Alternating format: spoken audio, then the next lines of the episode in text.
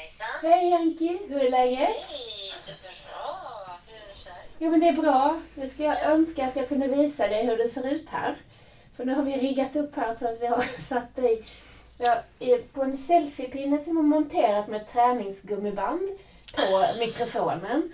Så nu är du ute i högtalarsystemet här och så hoppas vi att det går in i mikrofonen. Men ni måste ju ta en bild på detta Ja. och lägga ut. Får jag bara bryta in där Kajsa? Du kanske ska presentera Anki? Ja men gud, vi har redan spelat Vi börjar, jag är, jag är, vi är, jo, we on air. Herregud. Ja, Anki Sundin har vi som gäst här idag. Förlåt, vi har henne inte i studion utan vi har henne lite på distans kan man säga. Så nu sitter hon fast här i ett, med hjälp av ett träningsgummiband, selfiepinne och eh, högtalartelefon. Så, så är hon med oss. Det känns väldigt eh, Men förutom det, vad jobbar Anki med? Precis. Alltså, jag har ju haft lite Anki med mig i hela mitt dietistliv faktiskt. Ehm, för att eh, hon har ju varit lite av en eh, guru vad det gäller det här med eh, mat i samband med idrotts, eh, ja, idrottsprestation kan man säga. Och eh, på senare år lite breddat verksamheten tänker jag. Eh, lite utifrån hållbarhetsperspektivet och så. Eh, och eh, nu är du konsult för LRF Mjölk, eller hur? Ja, jag är till och med anställd för LRF Mjölk Mhm. nu sedan ungefär ja, ett knappt år tillbaka. Ehm, så att eh, det gör ju att jag har ju jättemycket fokus på mjölk och mjölkprodukter förstås. Men jag har ju såklart ett stort intresse av precis det du säger nu. Dels då eh, kost och näringslära för, för prestation i allmänhet och sen också har jag lagt på det här lagret, precis som du var inne på, med hållbarhet och framförallt lönsam hållbarhet. Det finns ju liksom experter på hållbarhet ur ett detaljperspektiv, det vill säga men, med gödsel och markanvändning och vattenåtgång och sådana saker. Och, och den biten. Och det är inte det jag menar med, med hållbarheten. Jag pratar lönsam hållbarhet per se, utan det jag menar då det är att det ska vara lönsamt att ha hållbarhet som en del av sin business. Mm. Och sen så lär jag mig mer och mer av det som experterna på hållbarhetsområdet eh, kommer fram till och pratar med mig om när jag lyssnar på dem och sådär. Mm. Eh, men det är just den här lönsamhetsbiten som jag tror är så oerhört viktig att väva in i alla bolag oavsett vilken bransch man är i. Livsmedelsbranschen har ju ett väldigt framträdande, eh, en väldigt framträdande roll just nu eftersom man pratar mycket om mat och miljö och så. Men alla bolag jättestor potential att verkligen sätta siffror på sitt hållbarhetsarbete och även se det som en affär i sig. Så. Mm. Och så vill jag bara säga, gud vad roligt att höra att, att jag har funnits med någonstans bakåt i tiden också. Ja, men jag tror att eh, första gången jag träffade dig, det var nog när jag gick min PT-utbildning. Och Du var eh, lite lärare där på Sats, Ja. eh, eller på, På vad hette det? Safe ja. Eh, ja, men jag hade ju läst om dig tidigare så också. Och Anki är ju nutritionist då ska vi säga, för det, det tror jag det. framkom innan. Ja. Helt Kul. riktigt, jag är nutritionist och så Mm. har jag ju en, eh, en MBA också från Handelshögskolan i Stockholm. Och det var där som mitt intresse för det här med lönsam hållbarhet växte Mm. till ordentligt. Och sen har du någon SM-medalj också väl? Eller? Ja, ett par stycken. Ja, se där. Vad är det? Styrkelyft eller vad var det? Ja, det är helt riktigt. Att du kommer ihåg det. Det är eh, styrkelyft och bänkpress för den som inte är så insatt i just den här idrottsgrenen. Då, så är det ju så att eh, styrkelyft består av tre stycken delgrenar. Det är bänkpress och det är marklyft och det är knäböj. Och så kan man tävla då i antingen alla tre grenarna och eller i bänkpress. Jag har tävlat i både styrkelyft och i separat och bänkpress då, Mm. som, som enskild gren. Så därifrån tog jag med mig ett antal SM-medaljer och har något guld och några silver och några brons. Och allt sådär. Vi är grymt imponerade. Det är ju det jag ska börja med nu, det är ju styrke. De. Ja. Nej, men då ska vi köra lite på eh, veckans tema då, helt enkelt. Det var ju det här med barn och mat. Just det. Vad säger vi? Vad tycker du, vad, vad, vad behöver barn äta egentligen? Ja. Det, det vuxna behöver äta fast kanske lite mer näringstätt om man ska gå direkt in på detaljer och begrepp och sådana saker. Eh, mindre barn behöver äta precis lika näringsrikt som, som vuxna men kanske på mindre volym. Eh, och för att tala klarspråk så betyder det att barn behöver äta det som vi i allmänhet tycker är, är hälsosam och bra mat. Man pratar sig med fullkornsprodukter, typ. man pratar grönsaker och frukt och man pratar, om man nu har kött och fisk och fågel i kosten hemma, så naturligtvis de bitarna. Eh, mjölk och mjölkprodukter och ägg är jätte, jättebra också för att de är så näringstäta. Och är det riktigt små barn så, så berikar man det med lite extra fett i maten och sånt där. Och det är inte krångligare än så i teorin, ska jag säga. Sen så står man där så, kanske som förälder och tycker att gud vad det här var svårt. Mitt barn äter inte något annat än pannkaka och spagetti och då får man ta det därifrån. Men nu pratar vi om ganska små barn, eller? Ja, när det, jag pratar om när det gäller matkrångel. mat så pratar jag om mindre barn. Mm. Livsmedelsverket rekommenderar väl att man berikar maten med fett upp till två års ålder om inte helt misstar mig. Och eh, sen så behöver man inte göra det mera utan då är det ju vanlig mat som vilken annan person i vuxen ålder äter.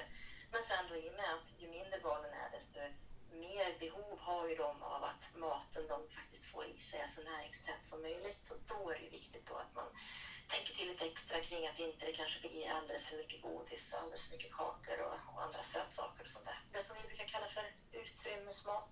Ja, det är ett sånt fint ord. Utrymmesmat. Det, det snackar vi mycket om det hemma. Mm. Ja, mina barn, vad ska vi, vill ni ha lite utrymmesmat på fredagsmyset? Då skulle de säga ja direkt kan jag säga.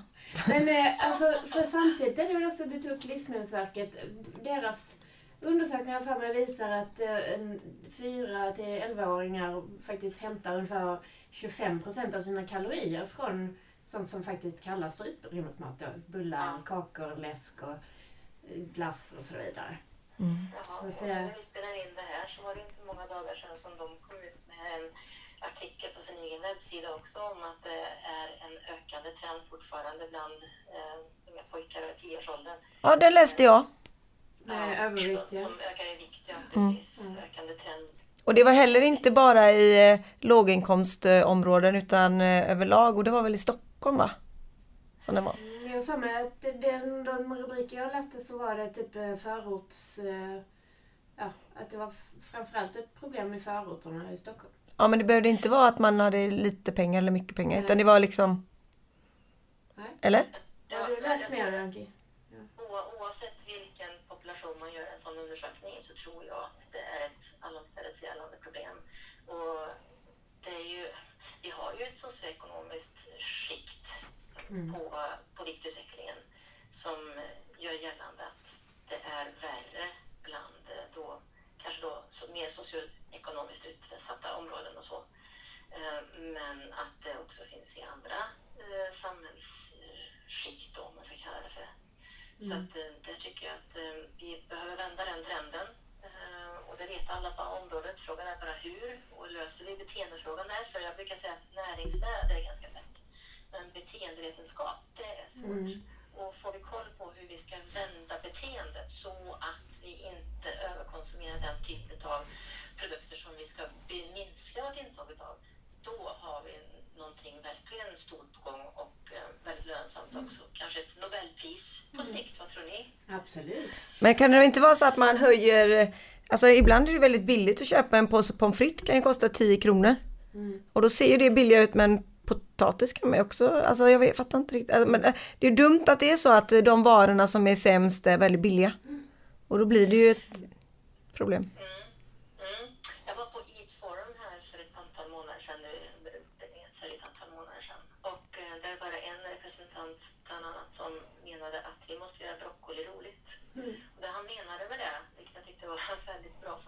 Det är att det är kanske inte alldeles tilltalande alla gånger, ens för vuxna, att äta sån mat som vi egentligen vet att vi ska äta mer utav, basera kosten på och sådär. Eh, bland annat så vet vi också att inte bara barn utan även vuxna i Sverige äter för lite frukt och grönsaker. Hur ska vi då göra för att de ska öka sitt intag av detta? Och de hade då fokus på just barn och menar på att vi måste göra grönsaker roligare. Vi måste presentera grönsaker på ett sätt Ehm, som är mer tilltalande.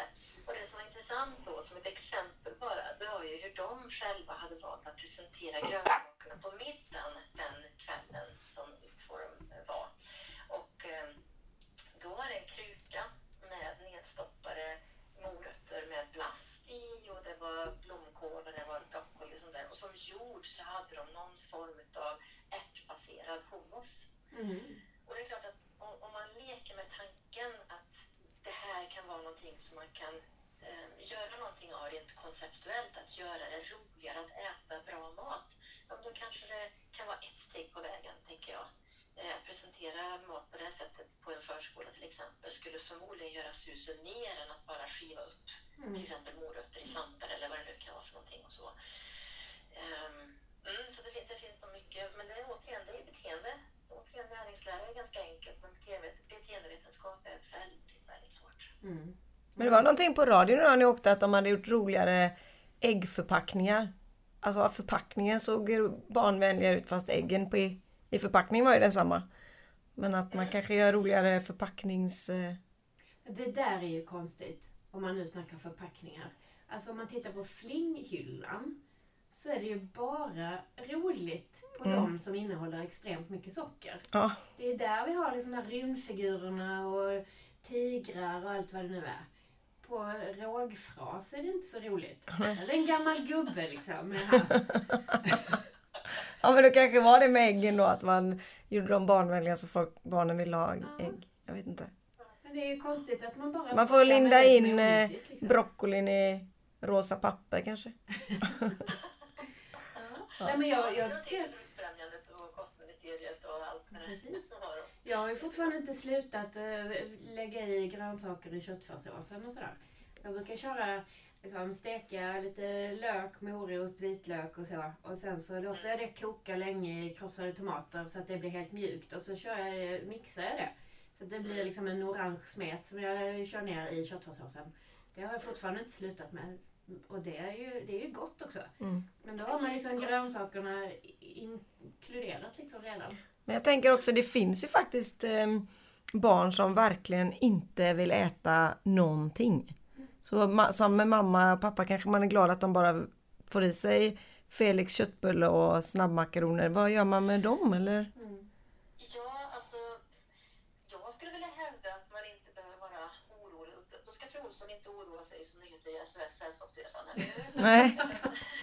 För att det behöver inte vara fel att äta färdigrätter på det sättet. Jag menar, väljer man färdigrätter, till exempel då köttbullar eller vegobullar eller vad det nu är för någonting man, man vill ge sina barn och sig själv.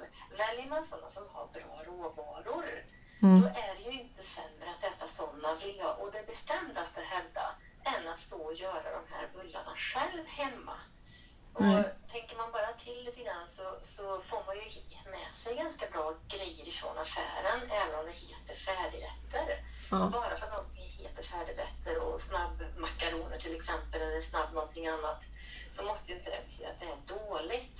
Utan återigen, jag tror att vi måste tillbaka till, till grunden här nu. Läs på innehållsförteckningen. Vad innehåller det här, den här produkten?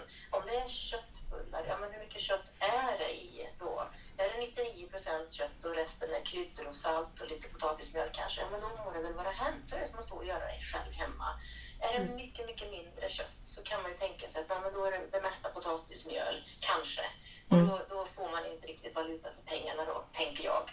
Och samma sak när det gäller vegobullar och vad det nu är för någonting man köper. Och jag menar snabbmakaroner är inte värre än, än långsamma makaroner. Um, och, och har man dessutom då fullkornsvarianten till detta så får man lite mer fullkorn i maten och det vet vi allihopa att det behöver de flesta av oss mer utav och så vidare. Så det är inga konstigheter. Och så någon gång då och då gärna äta lite potatis och mosa ut det här till mos någon gång då och då och gärna kanske lite, eh, lite, lite eh, smör eller grädde eller någonting som, som ökar näringstätheten då om det är lite mindre barn vi pratar om och så då, det, det är bra mat vi pratar om. Så som du då Kajsa blandar ut i grytor och så vidare med sånt som barnen kanske inte riktigt gärna tar till sig annars.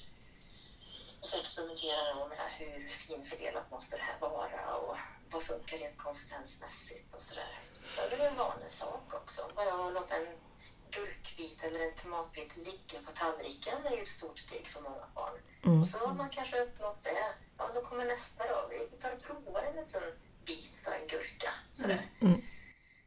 Göra i ordning grönsakerna först och ställa fram det. Så, så att de kan liksom när de cirklar där runt matbordet innan middagen är klar så kan man ju liksom alltid peta i sig något. Men vad, vad tänker du med allt så här som eh, så här kokböcker och grejer som, eh, eh, får jag inte säga några namn alltså, vi inte, men som krånglar till livet för eh, vuxna liksom. Eh, man ska... Förlåt Anna, nu hörde jag nog faktiskt inte riktigt vad du sa. Nej. Ja, jag är ju här borta ja. Ja men, eh, nej men det krånglas ju till lite nu för tiden med kokböcker som ges ut som man ska akta sig för mjölk och man ska akta sig för det och, och många går ju på den här trenden. Vad tänker du om det liksom att det ska, man får nästan sluta jobba om man ska följa de här, ja.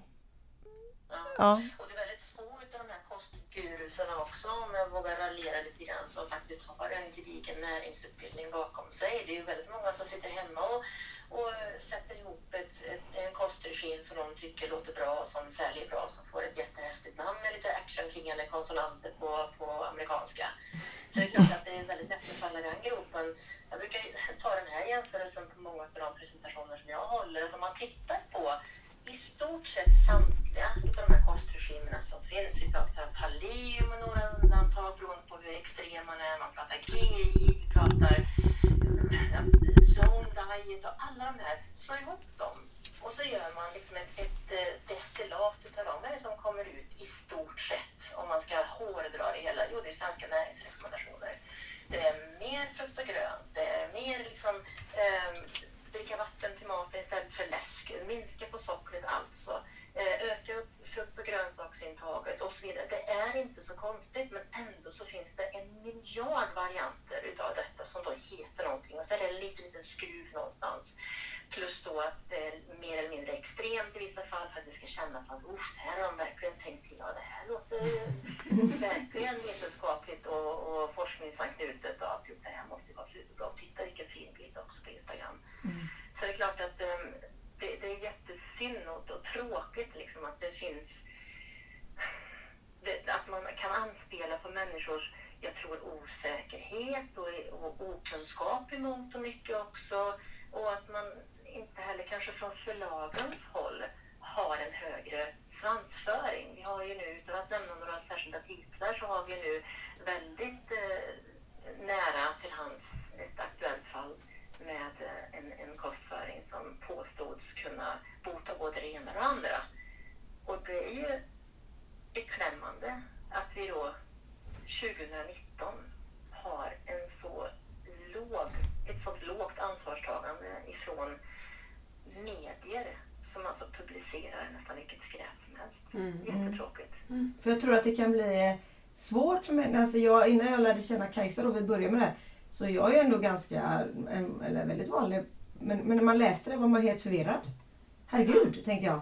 Eh, Får man inte äta, ta sig ett... eh, Alltså barnen, jag gillar ju när de dricker mjölk och och man skulle äta det och man skulle, det blir ju he, och man skulle ha bowls och man skulle ha smoothie. Alltså jag höll på att gå in i väggen liksom. Så jag gick tillbaka till gå. Men många gör ju det väldigt krångligt för sig. Och mycket kosttillskott och man måste ha det. Man ska ha 17 burkar för att komma igång på morgonen. Istället för att... Mm. Nej, det är verkligen keep it basic, keep it simple. Det tror jag är en väldigt, väldigt välfungerande devis väldigt långt upp i aktivitetsnivå. Det är klart att är man elitidrottare så behöver man tänka till kring både gram och mikrogram av vissa näringsämnen och man kanske behöver tänka till kring tidpunkter för intag och så vidare. Men är det så att man är upp till liksom, motionär på väldigt hög nivå, även då barn och tonåringar som vi har fokus på just i det här samtalet, då handlar det om bra liksom, husmanskost. Det behöver inte vara krångligare än så. Blir det makaroner och köttbullar och ett glas mjölk till en dag och så kanske det blir en hemlagad gryta med någonting någon annan dag och så vidare. Um, Så funkar det alldeles utmärkt. Problemet är bara att det är så få som ens gör det, verkar det som. Man glömmer att ha i de här extra grönsakerna i maten som Kajsa pratar om. Och är det så att man absolut inte får i barnen grönsaker och frukt, ja men och så, och så kanske jag säger emot dig lite det här med Anna, för att jag är nämligen ett fan utav smoothies. För jag tycker, jag tycker själv att det är väldigt enkelt att göra smoothies. Man bara tar eh, juice eller mjölk eller yoghurt eller någonting och så har man i då eh, frukten och grönsakerna.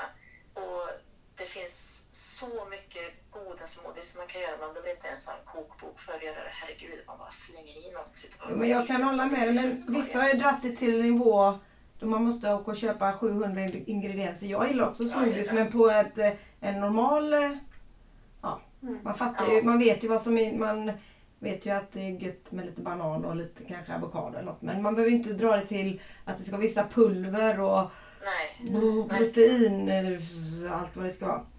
Men jag, en annan grej som jag har tänkt på, det är väldigt många barn som är laktos. Säger de. Intoleranta. Mm. Ja. Är det så många barn som är laktosintoleranta? Nej, jag vet inte. Men man, eh, man hör ju det. Säger jag, så sätter jag handen i sidan så är det väl Ja. lite vasst kärleksfullt. Det är inte så många barn som är laktosintoleranta. Faktum är att det är väldigt få barn som är laktosintoleranta. Eh, man brukar säga att mellan 4 och 10 procent av den vuxna befolkningen i Sverige är laktosintolerant. Men att laktosintolerans är väldigt ovanligt i yngre åldrar. Och det är väldigt svårt att få fram en siffra på hur många barn och ja, då pratar jag framförallt om de som är i över tonåren för att i yngre tonåren så är det i stort sett inga barn som är laktosintoleranta utifrån det jag har tagit del av. Dels ifrån, ifrån eh, EFSA men också ifrån Livsmedelsverket.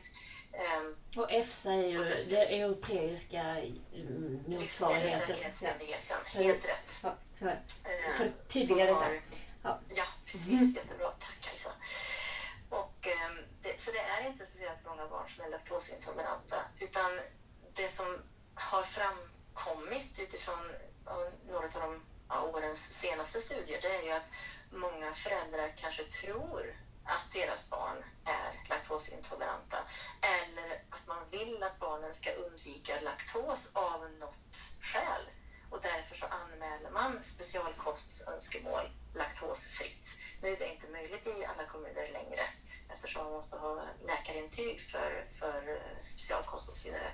Men, men det har ju varit och fortfarande på sina håll är ett väldigt stort problem, inte minst för skolorna som ska tillhandahålla oerhört många olika livsmedel och ibland då faktiskt helt i onödan tydligen har det visat sig. Mm. Så att det där är inte speciellt många utan, utan eh, upp i vuxen ålder 4 till 10 procent laktosintoleranta och under, under den åldern då eh, där vi räknar med att barnen är barn respektive yngre och äldre tonåringar där det är väldigt, väldigt få Mm. som verkar. Så mjölk till maten ska man ge barnen. Eh, Ja, så nu sitter jag här med NRF mjölkkepsen på mig. Så det är klart att jag är ju jävlig när jag svarar på den frågan. Men även om, du, om jag inte hade haft den positionen som jag har nu så hade jag svarat ja på den frågan. För att mjölk är så oerhört näringstätt, alltså näringsrikt och kan komplettera upp en måltid som annars kanske hade varit alldeles för näringsfattig.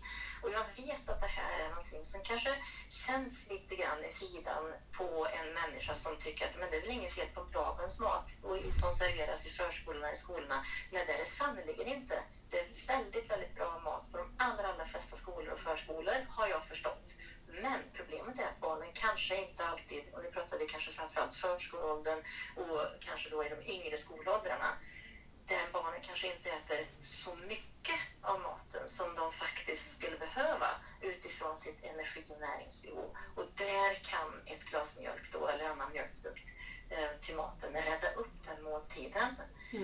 Och det gäller ju faktiskt även, oh, förlåt nu avbryter jag men ehm, alltså det gäller ju även i eh, liksom högstadiet tycker jag. Om man tänker en, eh, en tjej som, ja, det är ju liksom inte riktigt coolt att äta sig mätt. Alltså man skäms lite för sin portion kanske. Eller det är liksom inte, i det gänget jag hänger med så äter man inte lunch liksom. Utan då kanske man i bästa fall tar en knäckemacka.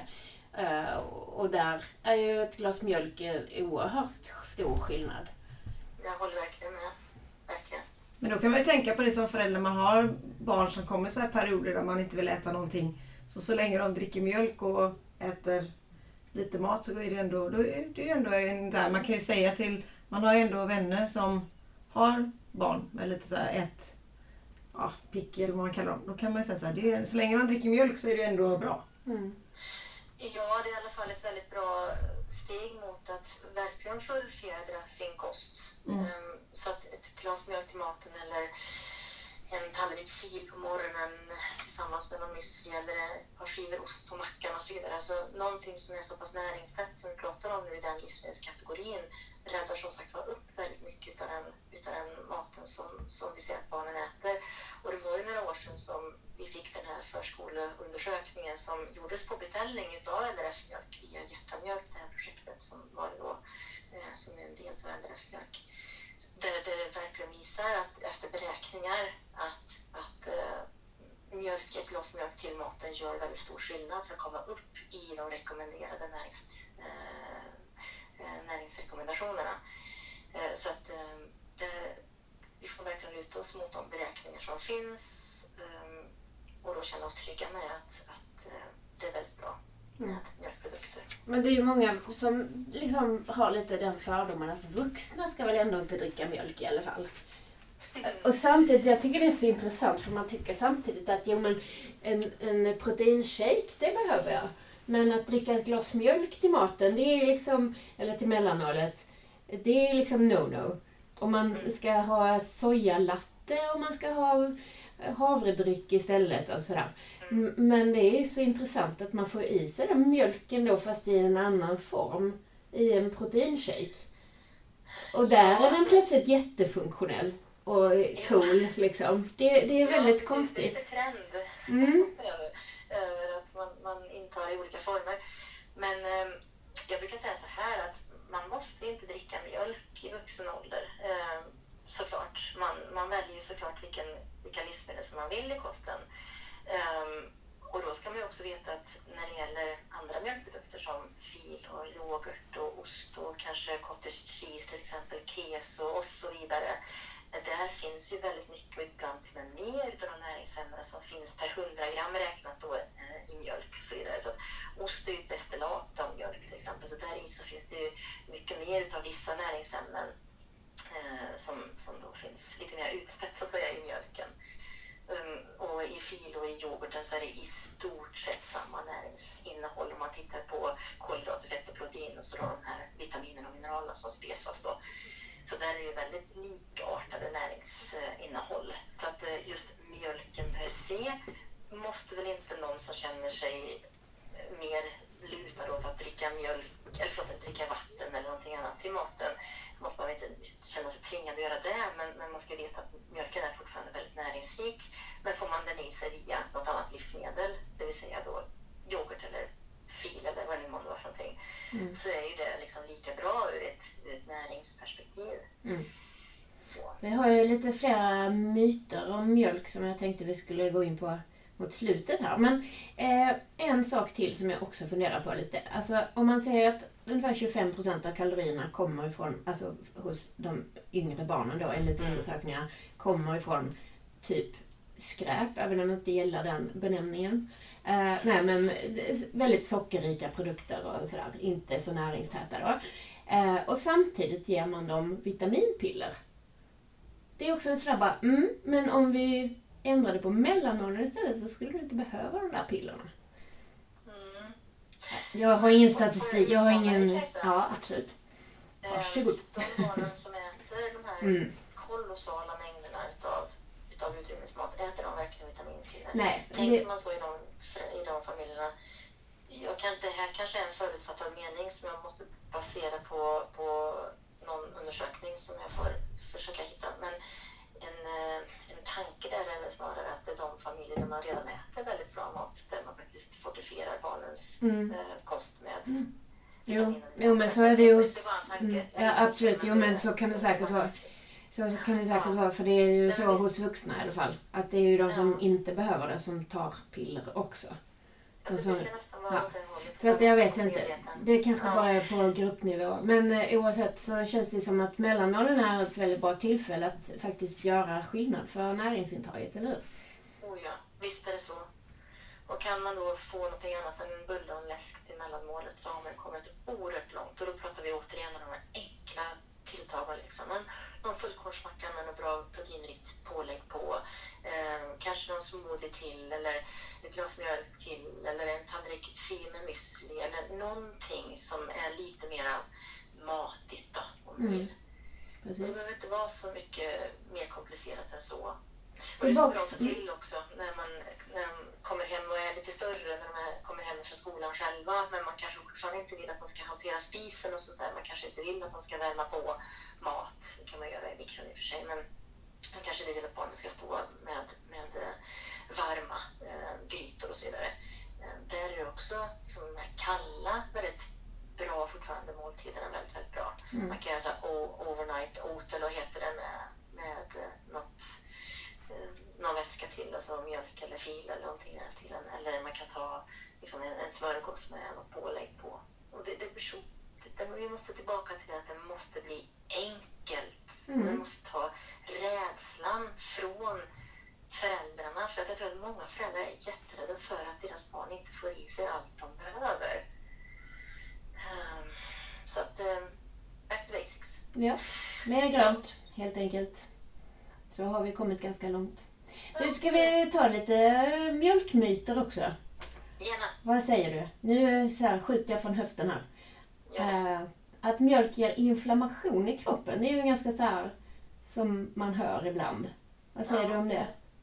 Nej, finns inget stöd för att något enskilt livsmedel per se skulle orsaka inflammation i kroppen utan det är snarare så att man kanske ser då snarare en eh, koppling mellan en viss kost, ett visst eh, allmänt kostmönster och förekomsten av då så kallad låggradig kronisk inflammation där vi hittar då ökad risk för diabetes typ 2 och andra hjärt-kärlsjukdomar inte minst och så vidare. Men ett enskilt livsmedel är inte kopplat till ökad inflammation. Det vi däremot ser, å eh, andra sidan då snarare, det är att eftersom vi nu pratar om mjölk och mjölkprodukter, mjölk och mjölkprodukter är snarare kopplat till en kost som minskar risken mm. för den typen av sjukdomar som vi pratar om nu. Och det finns väldigt, väldigt tydlig forskning som pekar på det, både på befolkningsnivå men även då på mer klinisk nivå där man tittar på mindre grupper där människor gör enskilda liksom, kostexperiment med dem och tittar på vad händer med vissa markörer i blodet till exempel. Så att jag känner mig oerhört trygg, oavsett vad det står på min keps idag, så känner jag mig oerhört trygg med att säga att mjölk och mjölkprodukter är kopplade till ett kostmönster som minskar risken för övervikt, minskar risken för diabetes typ 2, ehm, ökar, ökar skeletthälsan och så vidare. Så det finns mycket solid forskning på det. Mm. Det är väl kanske inte så många som tar ett glas mjölk till pizzan eller beställer mjölk på, på eh, snabbmatsrestaurangerna. Det är ju snarare de söta dryckerna och så. Men det du var inne på skelettet här, för att det, det har ju liksom... Vi är ju uppvuxna med de här budskapen, mjölk ger starka ben och så här.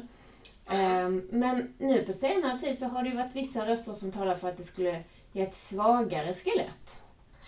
Eh, jag skulle säga så här att från forskningshåll, från etablerade nutritionsforskare så hör vi inte det. Utan Nej, det här är, tycker jag och mig se, mer än en allmän opinion eh, från människor som inte har den kunskapsbasen som en forskare eller, eller en annan nutritionsutbildad person har. Utan det är då missuppfattningar som, som, som upprepas ifrån olika inflytelserika personer som gör att människor då får en uppfattning om att oj då, nu har forskningen svängt, men det mm. har den inte.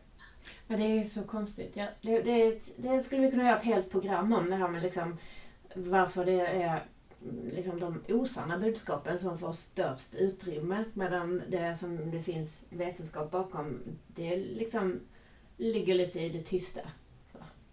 Får jag komma med en hobbyteori? Ja, gärna. Mm som man kan ha som hypotes när man gör ett sådant program med vem det nu ska göra det. Mm.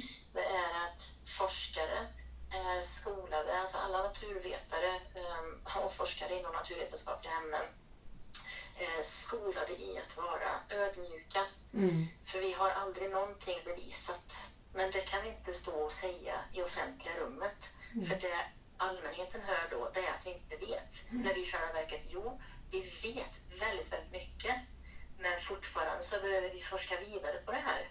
Om det då kommer en influencer eller någon annan inflytelserik person av något slag utan den erforderliga bakgrunden rent kunskapsmässigt och säger den här kosten, den är antiinflammatorisk så den ska vi äta. Eller den här kosten, den är väldigt bra för och så är det någonting då eh, som man är ute efter och propagerar för då lyssnar allmänheten hellre på den personen för det låter så tydligt och enkelt. Mm. Det jag menar är att jag tror att forskare behöver bli bättre på att uttrycka sig medialt mm. medan journalister behöver bli ännu duktigare på att konsultera forskare när man då skriver ett material, till exempel i en tidskrift eller gör ett reportage i, tid, i, i tv eller vad det nu kan vara för någonting. Mm. Så det går åt båda hållen. Ja, så att forskare behöver liksom eh, vi behöver bli mindre ödmjuka, höll jag på att säga, från forskarhåll. Och journalister behöver plocka upp det som forskningen faktiskt visar. Och vi behöver bli mindre beroende av här så kallade influencers. Då. Ja men precis, för det är ju också ett problem. Så journalisterna, det är ju, de har ju sitt ansvar men sen är det ju många andra som har till exempel egna poddar. Då, sådana som vi. Nej men att det finns ju väldigt många som uttalar sig om mat och så som inte alls har någon kunskap. Jag visade ju dig ett avsnitt som eh, där eh, en minister uttalade sig om mjölk till exempel. Och det, det blir ju jättesnurrigt. När man Mm. liksom inte alls har någon eh, inte alls jobbar med det ens. Liksom. Nåväl. Eh, jag har en eh, fjärde myt här. Eh, mjölk är... Nej, tredje blir detta. Jag har fyra på min lista, men eh, nu. Mjölk är slembildande.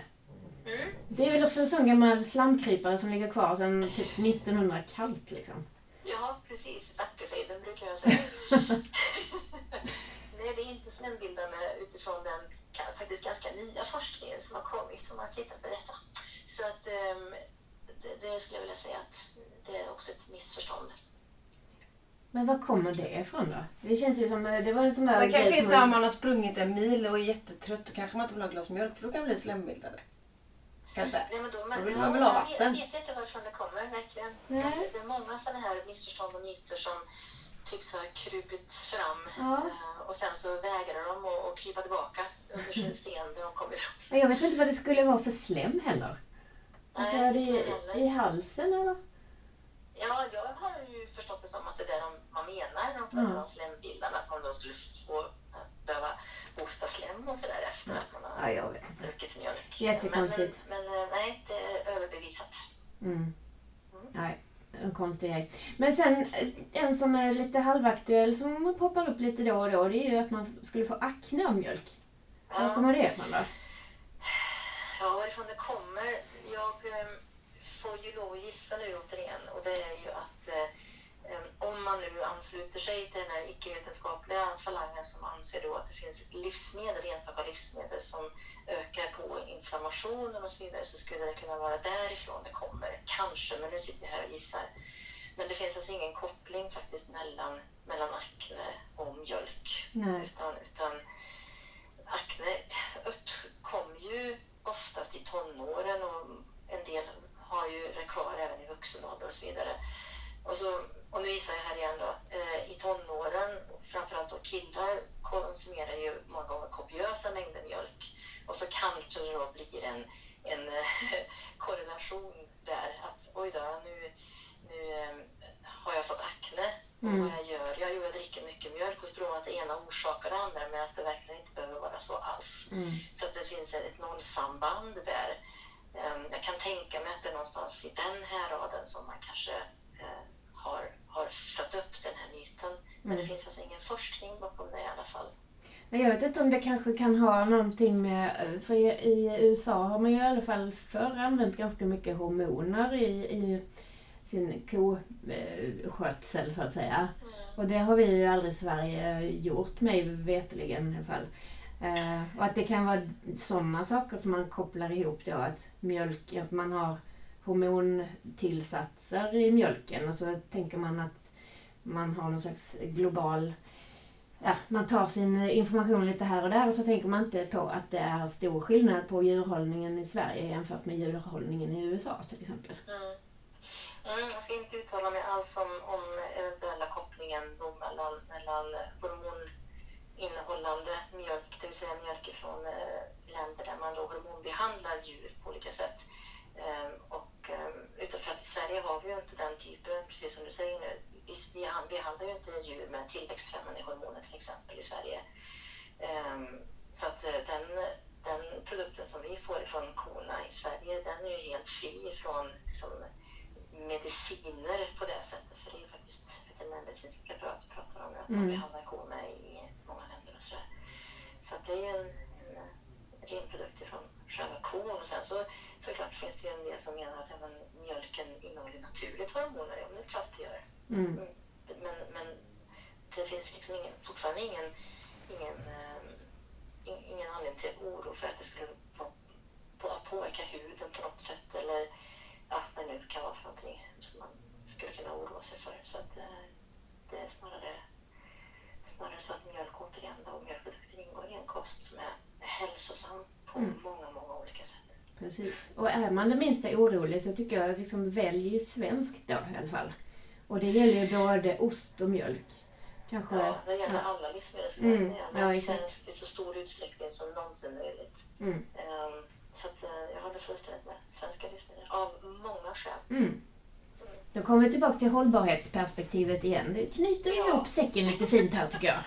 Så här tyst har jag aldrig varit i en podd tror jag. Anna sitter och klappar lilla Jackson. Jag måste passa Jackson och sen lyssnar jag också för det är väldigt intressant att eh, det du säger är ju egentligen så självklart men när man pratar med vanliga, normala, intelligenta människor så har de ju vänt på hela steken. Hela kylen är ju full med havredrycker och mandelmojs och det är ju faktiskt helt galet. Så därför blev jag lite tyst. Här. Man tänker så här, för jag kan säga så här, jättemånga av min eh, bekantskapskrets har ju tagit bort mjölk. Och när jag var liten var det så här, min pappa säger alltid så här, det är livets dryck. Han, han, han är ju 73 snart. Och han dricker nog en och en halv liter mjölk om dagen. Oj. Det är det bästa han vet. Han måste ha mjölk. De bor lite ute på landet så om mjölken är slut får han lite panik. Det är inte som med rosévinet för honom, det är mjölken. Och han är ju faktiskt väldigt pigg och frisk och hej och hoj. Så, Men jag, jag vill bara tillägga det, även om jag nu verkligen inte är eh, hållbarhetsexperten på, på LRF eller LRF Mjölk eh, så har jag förstått så mycket i alla fall att, att eh, svensk mjölkproduktion är väldigt hållbar. Vi har ett väldigt, eh, väldigt hållbart jordbruk i Sverige i allmänhet och mjölkproduktionen i Sverige är väldigt miljömässigt fördelaktig och i framkant på många, många sätt. Mm. Eh, Så att eh, om man dricker mjölk och äter mjölkprodukter så tycker jag absolut att man i första hand ska välja svenskt. Och om- om det är så att man av någon anledning undviker en eller flera av de produkterna, ja men köp svenska varianter åtminstone då. Eh, ni pratar om de här vegoalternativen, ja men köp åtminstone svenska vegoalternativ i så fall. Eh, för det finns oerhört stora problem med eh, utlandsproducerad råvara till, till inte minst av vegodrycker. Vi pratar soja, och mandel och kokos och alla de här. Det, det, är, det, det finns stora utmaningar. Mm. Ja. Vi tycker nog att vi har fått ut precis allt. Eh, Vi har, det känns som att vi har pressat en stor härlig apelsin och fått ut en massa god juice här idag. Eh, så eh, jag kanske jag vill inte säga att vi har mjölkat en ko. det kändes inte riktigt lika lockande. nej men det känns ju ändå som man har eh, fått lite kött på benen. Absolut. Ja, det är jätteroligt att få ta del av all din klokskap, Anki. Så, eh, Jättekul att få vara med och prata om det. Mm. Så, eh, Nästa gång ska jag ha mer frågor till dig. Mm. Och ingen hund på armen. Ja, och du får gärna säga emot också så kan vi ha en diskussion om det. Ja, fast jag är ju uppvuxen med mjölk så jag tycker bara det är positivt att folk dricker mjölk. Det finns inget negativt i det. Ja, Nej. jag tycker det är spännande också när, när man inte alltid eh, i ett sammanhang eh, håller med varandra för att då kan man också på ett ja, men, väldigt hög, med hög svansföring eh, kolla varifrån får man olika uppfattningar och vad baserar man olika uppfattningar på och så vidare. Det är därför som jag tror att det är viktigt att i många olika sammanhang liksom, diskutera mat i allmänhet och kanske då mjölk i synnerhet som, som livsmedel. Vi kanske ska bjuda in en fjärde person göra en debattprogram en gång. Ja, men det var lite åt det Ja, det hade varit väldigt spännande. Jätteintressant. Vi har ju lite människor som är halvkända runt oss som eh, pratar eh, tarmfloror hit och dit. Vi kanske ska ha en, eh, vi kanske, ja det var en intressant eh, tanke tycker jag. Nu börjar det kittla lite. Mm. Ja, Men du, eh, vi hörs igen. det gör vi. Allt gott. Tack. Tack, tack. Hej! Hej! Hej! Kajsa, Ja. det kanske har varit en rolig grej. Ja. Vi bjuder in någon sån här eh, receptboksförfattare som har skrivit någonting om Bertil Sexa eller något. Utan att säga namn. Nej, Jag vet inte vad som finns, men det finns ju så mycket. Sa du Bertils? Nej, jag kan ta det sen. Det var bara en grej. Eh, nej, men de här människorna som tänker att vi inte ska äta vanlig bra mat. De där som har väldigt långa pekfingrar och väldigt mycket förbud på listan. Jag såg någonting framför mig nu. Vi ska nog skapa någonting så här debattigt. Mhm. Det kanske är där. Debattpodden. Ja, Finns den? jag vet inte. Nu finns den. Du, eh, jag har mer möten idag. Mm, jag med. Jag ska gå och ta mig ett glas mjölk. Mhm, kul. Jag tar en latte då. Ja. Gött! Hej då! Ha det bra!